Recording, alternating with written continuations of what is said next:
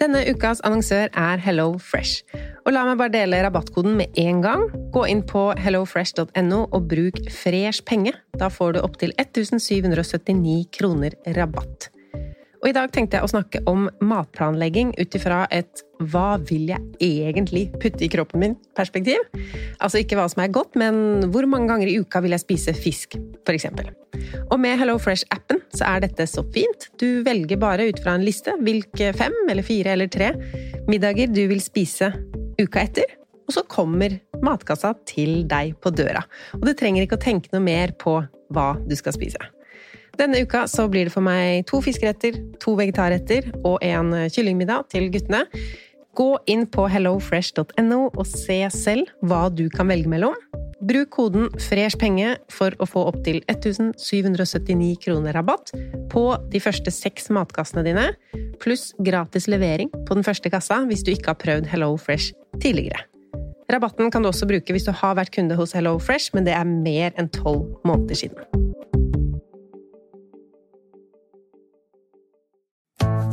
Har du et enkeltpersonforetak eller en liten bedrift? Da har nok Eller vent, sa du nei? Du vet at fiken også gjør det enkelt å starte din egen bedrift? Fiken superenkelt regnskap. Ja, og hjelp til å starte egen bedrift, da. Velkommen til Kjemperådet! Vi har fått inn et kjempeproblem her. Jeg leser. Jeg er på ferie med familien. Det er gøy, bortsett fra at jeg har gips på begge beina. Kan ikke bade eller dra noe sted. Jeg føler meg veldig begrenset. Hilsen begrenset far. Begrenset far trenger ubegrensethet. Yes. Ja, Kanskje ubegrenset data fra 399 med familierabatt hos Telenor? Ja, det løser jo alt! Bortsett fra det med badingen, da. Se nye mobilabonnement på telenor.no. Yes!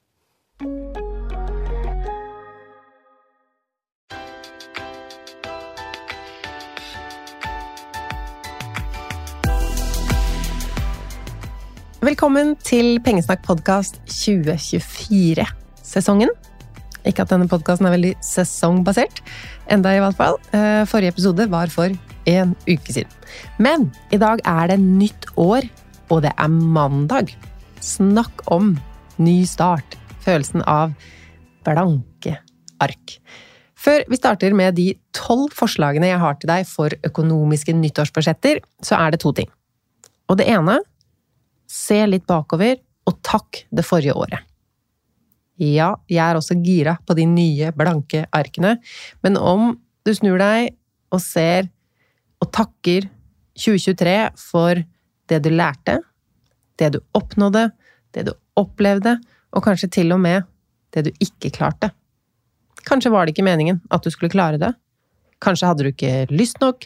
Kanskje var 2023 et drittår for deg og økonomisk. De fleste av oss fikk kanskje ikke spart og investert som planlagt. Og for de av dere som er i min posisjon, var det det verste som skjedde økonomisk? At du ikke fikk spart like mye som planlagt? Du hadde råd til mat, husleie, strøm, til og med julegaver og ferie? Send 2023 en takk. Og ting nummer to nyttårsforsetter. Nyttårsforsetter har et dårlig rykte. Eh, og ikke helt ufortjent, skal vi tro undersøkelser som har blitt gjort.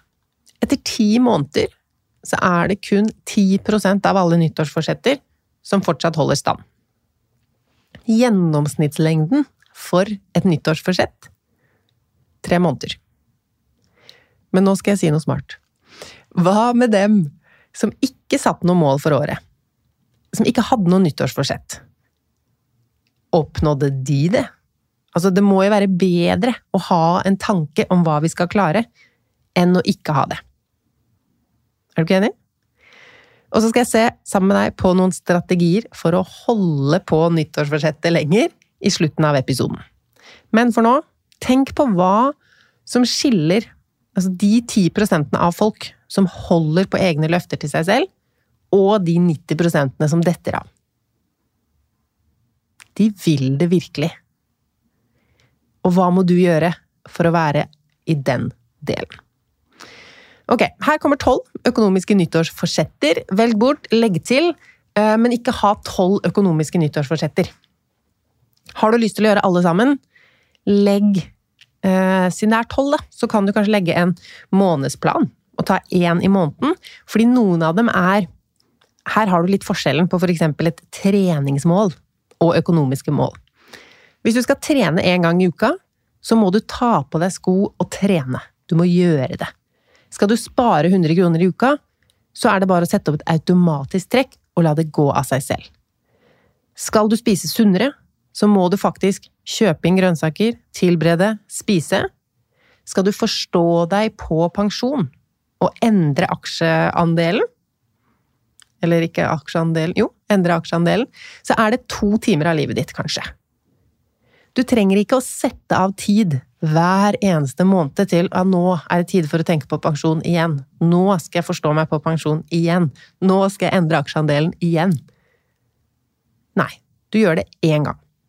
Så kanskje vi kan gjøre dette om til månedlige Nei, nei noen av de her uh, må man holde koken oppe på gjennom året, men ikke alle. Så tar du én og én, så må du velge rekkefølgen med omhu. Omhu, det er fint ord. Nyttårsforsett nummer én. Tjene mer penger. Den har jeg faktisk uh, høyt oppe, personlig. Nå har jeg ikke helt spikra hva som skal være mitt uh, nyttårsforsett, eller mål for 2024. Men siden 2021 så har jeg tjent mindre og mindre for hvert år. Altså jeg tjente mindre i 2022 enn i 2021, og så tjente jeg mindre i 2023 enn i 2022. Så den trenden matcher ikke helt med utgiftssiden og sparebollene mine. Så der legger jeg en plan. Og så er det ikke så enkelt med min type jobb.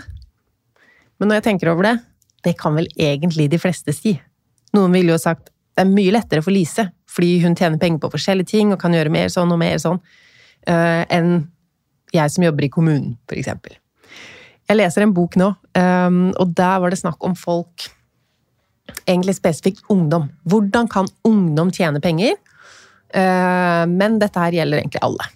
Og tipset da er å fokusere på hva du allerede kan, hva du allerede vet, og hva du allerede har.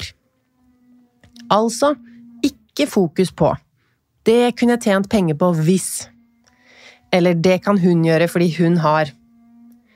Det er alltid enklere å finne grunner til hvorfor ikke. Der er vi ganske gode, alle sammen. Eh, men skift fokuset til hva du kan, hva du vet, og hva du har. Og kanskje til og med hva du liker, har jeg lyst til å legge til. Så finner du hvordan du skal eh, tjene mer penger i 2024.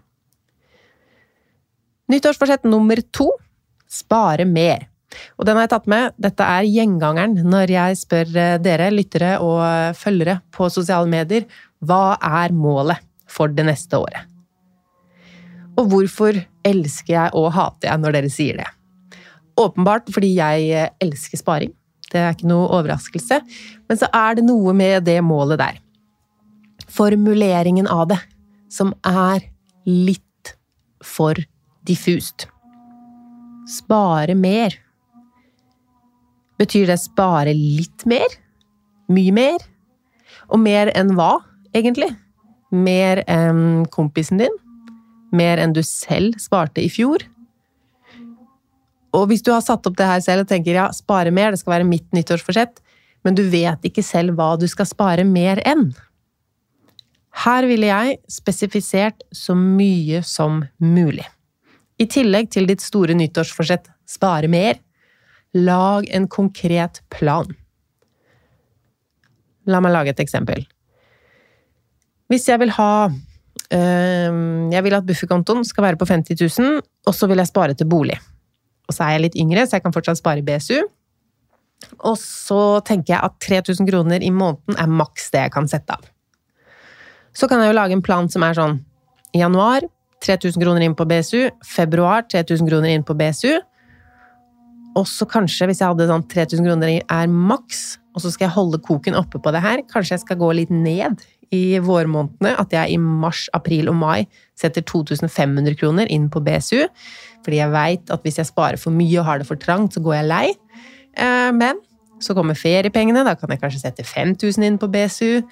I juli er vi kanskje nede på 2000. Altså legg en plan som tar hensyn til det ekte livet. August, september er vi kanskje oppe på 3000 igjen. Mens i oktober, da er vel BSU-en fullt, og vi kan eh, begynne på bufferen. Grunnen til at jeg tok BSU først istedenfor å begynne rett først på buffersparing og så på BSU, det er at renta på BSU-kontoen din er høyere enn renta på en bufferkonto, som er en vanlig sparekonto. Og i løpet av spareåret så kan du ta ut penger fra BSU. Så da kan du bruke BSU-pengene som bufferkontoen din. Men på slutten av året er BSU-kontoen full, da sparer vi på en annen konto. Og så når desember kommer, så bestemmer du om du skal låse disse BSU-pengene, og få da fordelen, som er um, skattefordelen. Da må pengene stå der på nyttårsaften, og da kan du ikke ta dem ut første i første. Så da må du se om du har stor nok buffer utenfor. Der har du en spareplan. Så mye mer konkret enn 'jeg skal spare mer'. Eller du kan bare sette opp et autotrekk 3000 hver måned uten unntak. Først til BSU til den er full, så til buffer. Og om bufferen ender på 50 000, så en annen boligsparekonto. Eller hva du sparer til da. Bufferkonto bør egentlig være eget punkt i denne lista. La oss kalle det et underpunkt. Samle sammen til en bufferkonto. Det er et nice nyttårsforsett. Lag en spareplan for å få til. Økonomisk nyttårsforsett forslag tre. Investere mer. Jeg er like vag, fordi du må finne ut um, hva her som er ditt konkrete nyttårsforsett. Det kan også være komme i gang med investering. Um, men om du da i romjula, neste romjul, investerer 500 kroner, så har du jo faktisk kommet i gang med investering i løpet av 2024. Er det det du mener, eller mener du noe annet? Og hvorfor snakker jeg så mye om investering, egentlig? Det er jo fordi investering er en kraft. Investerte penger vokser over tid. Og fordi det er så kult at jeg jobber og tjener penger, pengene mine i aksjemarkedet jobber og tjener penger til meg. Men det svinger, så les deg opp litt før du investerer i eh, noe som kanskje ikke passer til din risikoprofil og sånn. Vi skal snakke enda mer om investering i podkasten, så føl deg trygg på det. Forslag nummer fire blir en eh, shoppestopp. Det ligner jo litt på spare mer, fordi skal man spare mer, så må man bruke mindre, da. Og en eh, shoppestopp er en eh, måte å bruke mindre penger på. Du kan gjøre den konkret og si sånn som jeg gjorde i fjor, det er shoppestopp på klær. Eller en annen ting du definerer. Eller så kan du ha F.eks. for eksempel den eh, maks fem plagg, det er vel fremtiden i våre hender, som sier at vi har ikke større kleskvote, hver og en av oss, enn fem plagg i året. Altså CO2-messig, ikke kronemessig, men kjøper du maks fem plagg, så lønner jo det seg veldig kronemessig. Eh, og da er det snakk om nye plagg. Sånn at hvis du kjøper brukt på loppemarked og eh, salgsapper, bruktmarked, så, så, gjelder det ikke. Det er fem nye. Altså ikke den shoppestoppen jeg snakker om for pengenes del, men den CO2-kvoten din på nye klær. Klær er veldig klimakrevende. Bruker mye vann.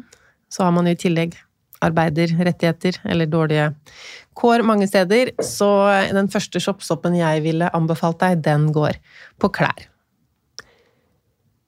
Økonomisk nyttårsforsett, forslag nummer fem betale ned gjeld. Denne er til deg som skylder penger du ikke liker å skylde. Om det er til en ekskjæreste, om det er til mammaen din, om det er en saldo på Klarna som du hater pga. de høye rentene, kredittkortet ditt Den saldoen skal være null hver eneste måned før du vurderer å investere en eneste krone eller sparer til noe gøy. Dette er det eneste jeg er sånn skikkelig streng på.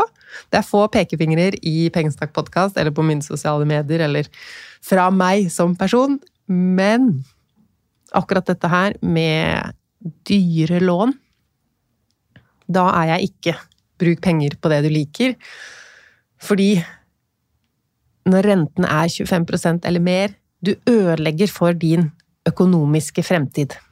Det er ikke gøy å være på en eh, ferie når den er betalt med kreditt.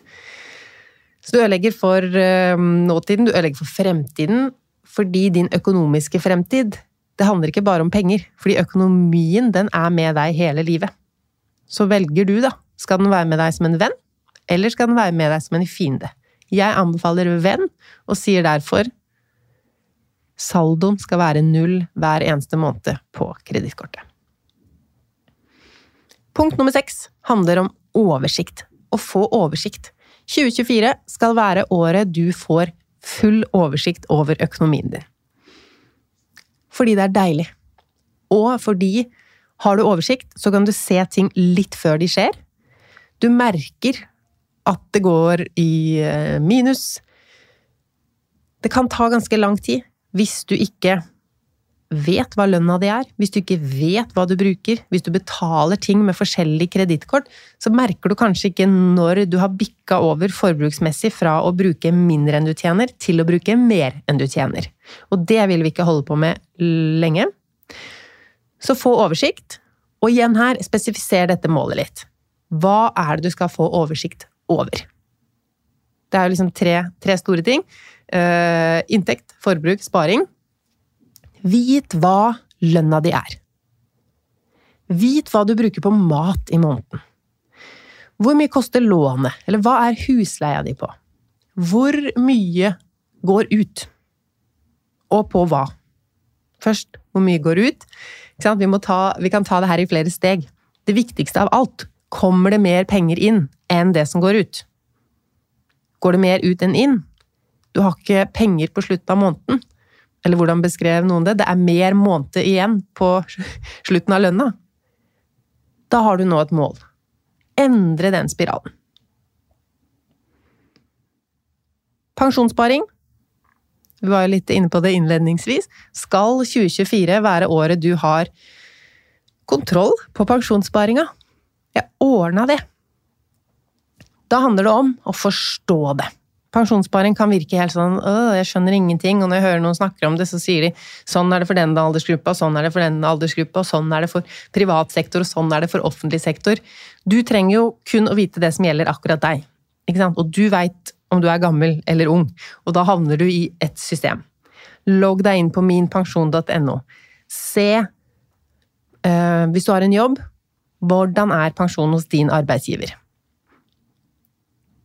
2 Arbeidsgiver sparer 2% av lønna di til pensjon. Det er minimumet. Det må alle gjøre. Men så kan det hende du har en ordning med 5% Da skal du være glad. Eller 7% Har du 2% så kan det hende du må begynne å spare nå selv.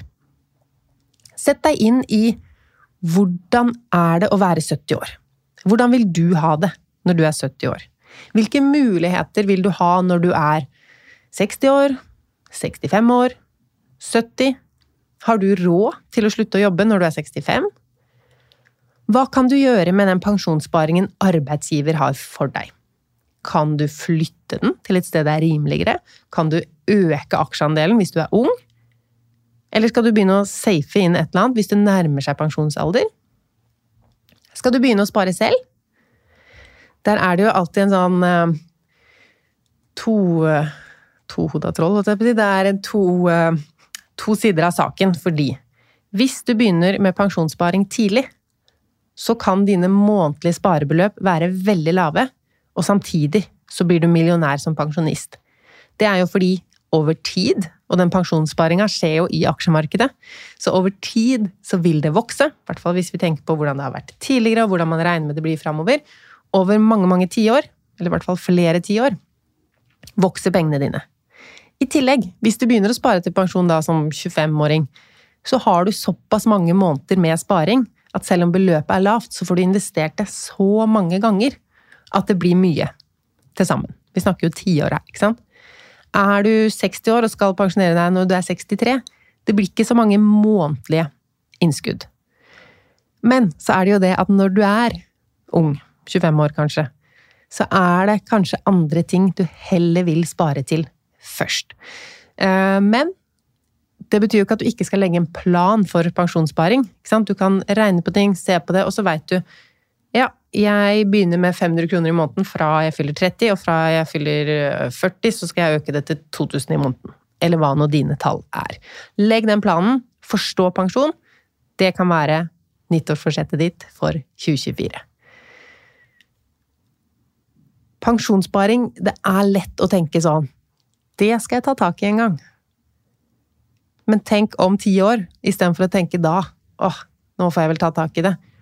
Så kan du tenke tilbake. I 2024 så fiksa jeg bare alt, og la grunnlaget for min alderdom. Både kunnskapsmessig og sparemessig. Forslag til økonomisk nyttårsforsett for 2024 nummer åtte er å heve kunnskapsnivået ditt. Og hvorfor er det et bra nyttårsforsett? Eh, litt som med pensjon, egentlig, men alt med økonomi. Jo mer du veit, jo mer kan du få gjort riktig, rett og slett. Og hvordan kan vi heve kunnskapsnivået? Um, podkaster kan jeg foreslå. Både min egen og andre pengepodkaster. Um, bøker. Mye kunnskap i uh, bøker.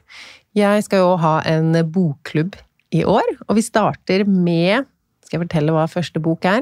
Eh, gå inn på pengesnakk.no bokklubb, så finner du ut hva første bok er.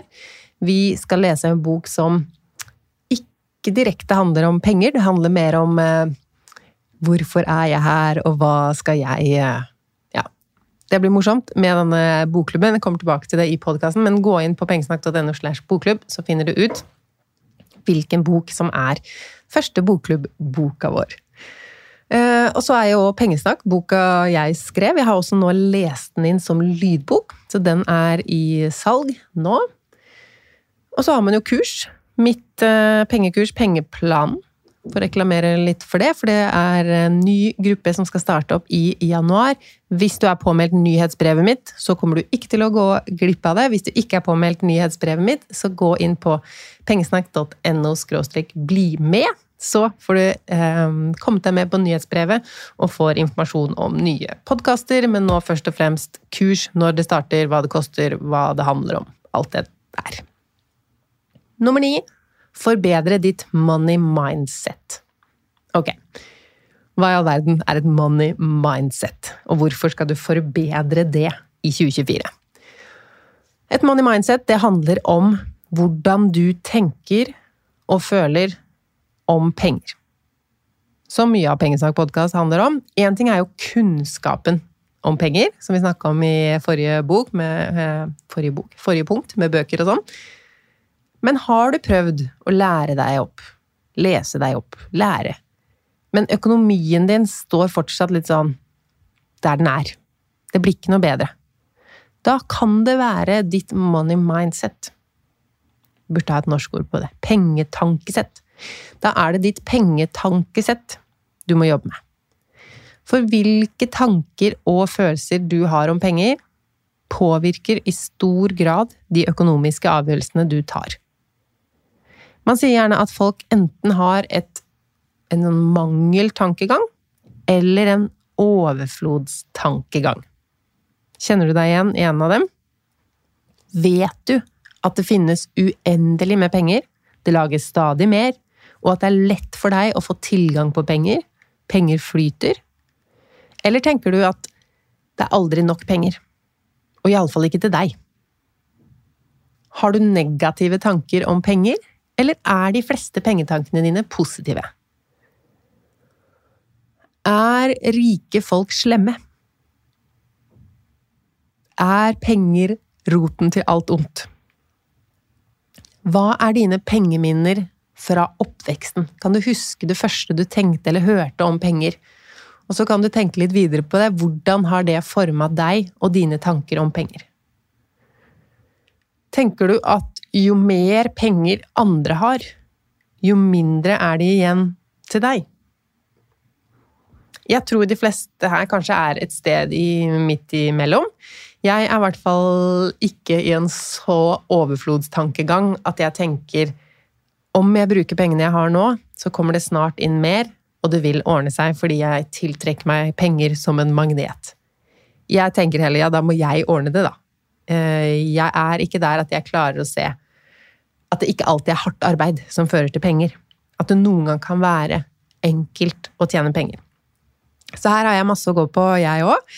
Jeg tenker det beste for økonomien min er å holde hardt på lommeboka. Det har vært min, mitt money mindset. Ikke bruk for mye. Eh, men samtidig så er jeg veldig positivt innstilt til penger. Jeg tenker på penger som en muliggjører. Tenker ikke at rike folk er slemme. Eh, heller mer at penger gjør deg på en måte bare mer um, Til mer av den du allerede er. Du blir ikke slem av å ha penger. Men er du allerede slem, så blir det forsterka.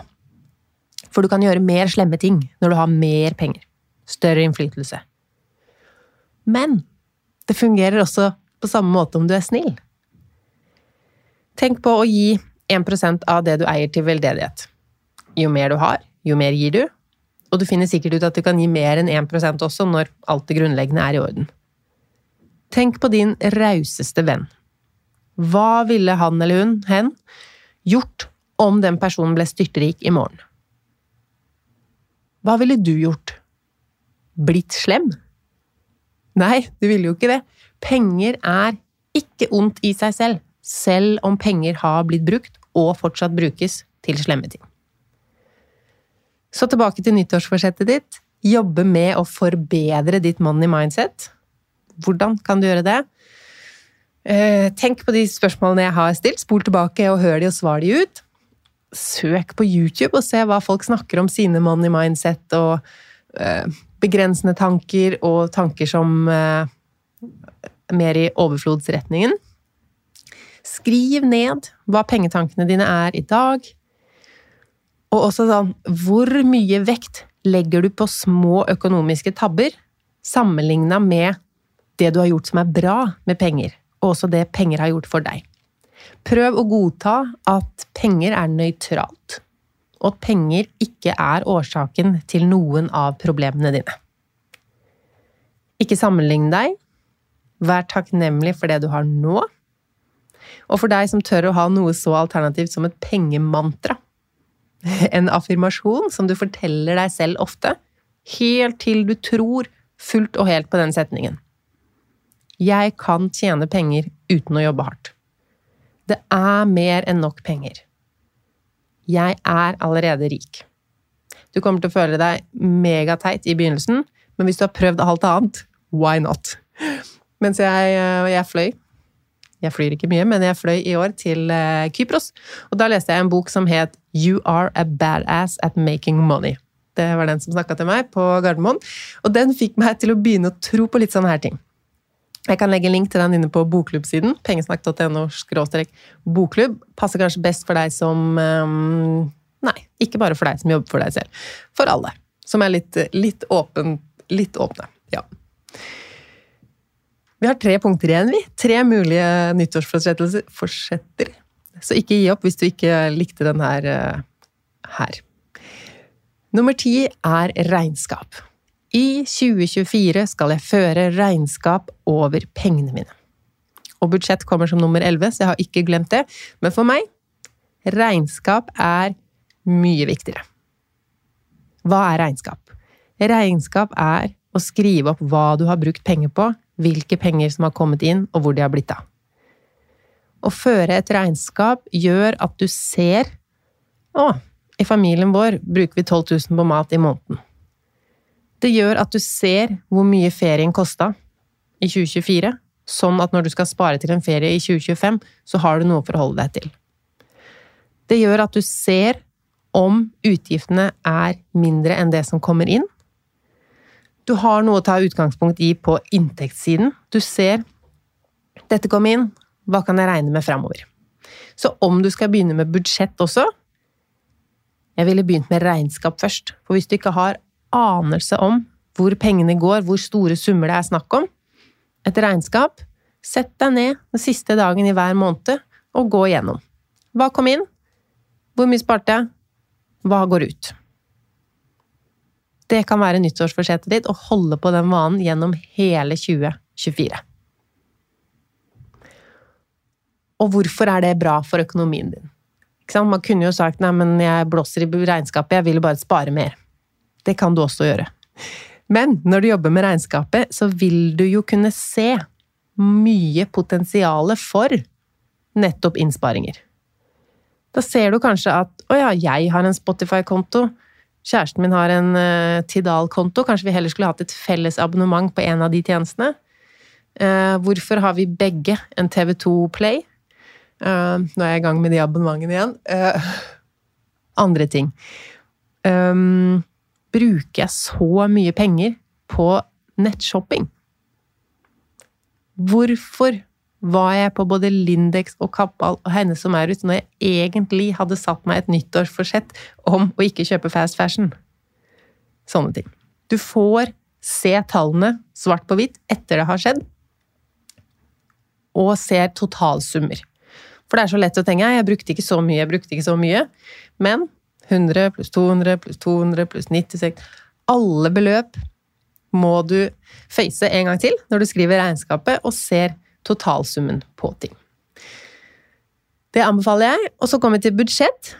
Jeg vet ikke om jeg anbefaler det like sterkt, men å ha en plan for forbruket, det høres jo smart ut.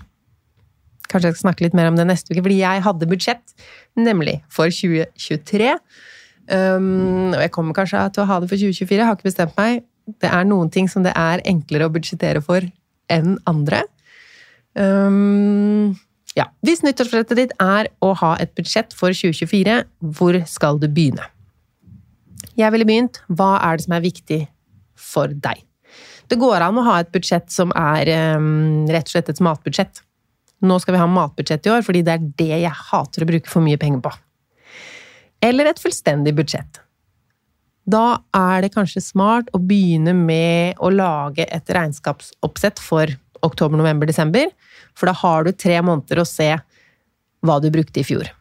Fordi det er veldig lett å si sånn nei, jeg skal bare bruke 500 kroner på klær, jeg skal bare bruke 3000 på mat. Og så er det kanskje veldig langt unna virkeligheten. Um, fordi det jeg ikke vil, er at du skal lage et så stramt og rigid budsjett at du ikke får lyst til å følge det. For hele poenget med å sette opp et budsjett, det må jo være at det skal du følge og at du har fullstendig oversikt og ser hvor mye du har til overs. Da kan du øke sparing, eller da kan du bruke mer på det du syns er aller gøyest å bruke penger på i ditt liv. Jeg ville starta enkelt og satt opp et budsjett selv. Ikke leit etter en kjempefancy mal, der er vi jo litt ulike. Um, inkluder kun de kategoriene du er interessert i. Ha få kategorier, fordi skal du følge det her, og det blir en kjempestor jobb med det regnskapet hver måned, følge budsjettet, så blir det kanskje at du ikke gjør det. Da er det mye bedre å ha et enklere budsjett med få kategorier, som du faktisk følger opp og sjekker hver måned, og også i midten av måneden. Siste nyttårsbudsjettet er å sette deg et mål. Nå er kanskje alle disse her egentlig mål, men da tenker jeg på et sånt motiverende mål. Jeg har skikkelig lyst til å Finn et mål som du kan tracke. Hvordan skal du følge med på målet ditt? Det viktigste med å ha et mål som du skal eh, nå, tenker jeg er nettopp det at du må virkelig ønske å nå det, og så må du skrive dem ned. Og helst kanskje et sted du ser dem. Jeg hadde jo mine mål for 2023 som jeg glemte litt av, og så ble det skikkelig skippertak på slutten. Det her skal vi snakke om i, i neste uke. Men skriv dem ned et sted du ser det, kanskje i uh, planleggeren din. Når du åpner opp første side, så står målet ditt der. Og så må vi ikke bare fokusere på målet, men stegene. Altså jobben. Legg en plan. Og den planen din er jo også en stor fordel for målbarheten. Hvordan kan du si om du har nådd et mål? Mine nyttårsforsett for i fjor jeg skulle eh, begynne å trene. Og det, hvordan kan man si om man har klart det eller ikke? Begynne å trene, holder du å trene én gang? Mitt mål var trene 50 ganger. Lese 50 bøker. Jeg sa ikke bare lese mer, jeg sa lese 50 bøker. Sparing, jeg skulle spare 500 000 kroner. Og det, alle de tre tingene er jo veldig lett å måle, fordi det handler om konkrete tall. Er det ting som aktiviteter du må gjøre? Planlegg når du skal gjøre det. Det tenker jeg jeg må bli bedre på, fordi når jeg satte opp 50 treninger i løpet av året, så tenkte jeg jo at det var smart, fordi hvis jeg sa at jeg skal trene hver mandag, og så var det én mandag som ikke funka, så hadde jeg på en måte ikke klart nyttårsforsettet mitt. Men fordi jeg bare tok det totalnummeret 50, istedenfor å i hvert fall ha en, eh, en viss plan om at det skal gjøres mandag, og hvis ikke det skjer mandag, så må det skje tirsdag, eh, så sparte jeg jo veldig mange treningsøkter til høsten, kan du si. Eh, samme med bøkene. Plutselig hadde jeg glemt det, det lesemålet og var helt opptatt av å høre på podkaster og andre ting. Så måtte jeg sånn, oh, shit, tilbake på lydbøker. Så planlegg når du skal gjøre det som kreves. Um, Kanskje også hvor og hvordan. Og det beste er jo hvis man klarer å gjøre nyttårsforsettene, dette mål for 2024, og gjøre det om til en vane. Og hvordan etablerer man en vane? Eh, forskning sier litt forskjellige ting. Noen sier at for at noen skal bli en vane, så må du gjøre det 60 ganger. Hvis det skal bli en vane, så må du gjøre det hver dag i 30 dager. Um, man er litt usikre, men det hvert fall forskningen viser, er at det er en sånn vanesirkel. Hvis du ønsker deg en ny vane, hvordan skal du etablere den? Du må gi deg selv en slags belønning. Og det må være et signal for når du skal gjøre den nye vanen. Og noen ting, det som er vaner for oss i dag, f.eks. pusse tenna Du skal legge deg, det er signalet. Da går du og pusser tenna. Og så er belønningen at du føler deg fresh munn, munnhulen føles fresh. Eh, så det må være et signal når skal du gjøre vanen, og så må det være en belønning. Så prøv å lage en sånn vanesirkel for de nye tingene. Da kan det jo være at 'å, nå er det mandag', det var treningsdagen, det. Eller jeg kan eh, ha signal søndag kveld. Det betyr legge fram treningstøy, sånn at jeg tar på meg treningstøy mandag morgen og sitter der og føler meg litt dum i treningstøy helt til jeg faktisk har trent. Og da får jeg god samvittighet. Kanskje jeg har en annen form for belønning. Må passe på at den belønninga ikke måtte visker ut resultatet. Da. For tenkte jeg Hvis man skulle spise noe for den treninga, hvis målet med treninga var å slanke seg, f.eks., så kan man ikke gi seg en belønning som er Eller med sparing. Hvis belønningen for å ha spart bruker opp de pengene hvis man kjøper seg noe, ikke sant? skulle spare til ferie, så er man så fornøyd med å ha spart til ferie at man kjøper seg ting underveis. Ja, dette skjønner du. En annen ting med å etablere nye vaner, det er å koble de på en eksisterende vane. Da handler det jo om å i tid eller i hendelse gjøre noe rett etterpå. Hvis din nye vane er øh, Du vil sjekke nettbanken hver dag. Du vil vite saldoen din. Ja, så gjør det når du pusser tenna. Etter du har pussa tenna. Koble det på en eksisterende vane, så slår du to fluer i ett smekk, og så er det enklere å få det inn i dine rutiner. Og en annen ting, det er å vite at du ikke trenger motivasjon. Det er lett å tenke sånn ja, hvis jeg skal bli flinkere til å spare, flinkere til å trene, flinkere til å lese Jeg hadde jo lesemål. Du trenger egentlig ikke motivasjon. Du trenger bare å ha bestemt deg og gjøre det. Og måle. Kanskje fint å ha en eh, målvenn, en partner, som eh, følger med på deg. Åssen går det med denne sparinga nå? Åssen går det med denne løpinga nå? En eh, som heier på deg, men som også gjør at du føler at du må gjøre det. Det er litt flaut å ikke dukke opp og ha gjort det du skal. Og så er jo en viktig ting Nå har jeg snakket litt sånn mot meg selv. Eller nei, jeg mener det samme. Jeg ga deg jo tolv forslag til nyttårsforsetter Eh, og det siste var jo å sette et mål, så det ja, kanskje var elleve, da. Det viktigste for å holde motivasjonen Ikke motivasjon. For å kunne nå et mål, så må man ikke ha for mange. Ikke sett elleve nyttårsforsetter for 2024. Eller i hvert fall jobb med ett av de om gangen. Jeg syntes det funka fint for meg å ha tre mål i fjor, fordi de handla om så ulike ting. Jeg hadde ikke tre forskjellige ting jeg skulle gjøre med økonomien og sparing. Eh, jeg hadde ett på helse, ett på økonomi eh, og ett på kunnskap. Kanskje jeg nå skal ha noe om eh, relasjoner. Det må ikke være økonomimål det er snakk om her, men ikke ha for mange mål.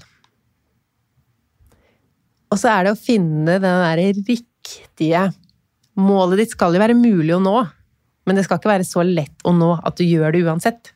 Sånn som mange av dere. Mitt treningsmål på 50 treningsøkter. øh, Og jeg snakker ikke om noe veldig hard trening her, jeg skal snakke om det neste gang, hva jeg, hva jeg telte som trening osv. For noen av dere så er det jo ikke noe vits i å ha det som mål, fordi dere gjør det uansett. Ikke sant? Så det må være noe som er noe å strekke seg etter, eh, men som ikke er så urealistisk at du kommer aldri til å nå det uansett. Da er det jo bare demotiverende å holde på med dette målsettingsgreiene her. Ok, hva skal du gjøre? Dette må du bestemme deg før vi legger på. Hva skal du gjøre denne uka for nyttårsforsettet ditt? For vi er allerede i 2024. Og hva skal du gjøre neste uke? Det kan jo hende det er samme ting, hvis du har en sånn ukentlig greie.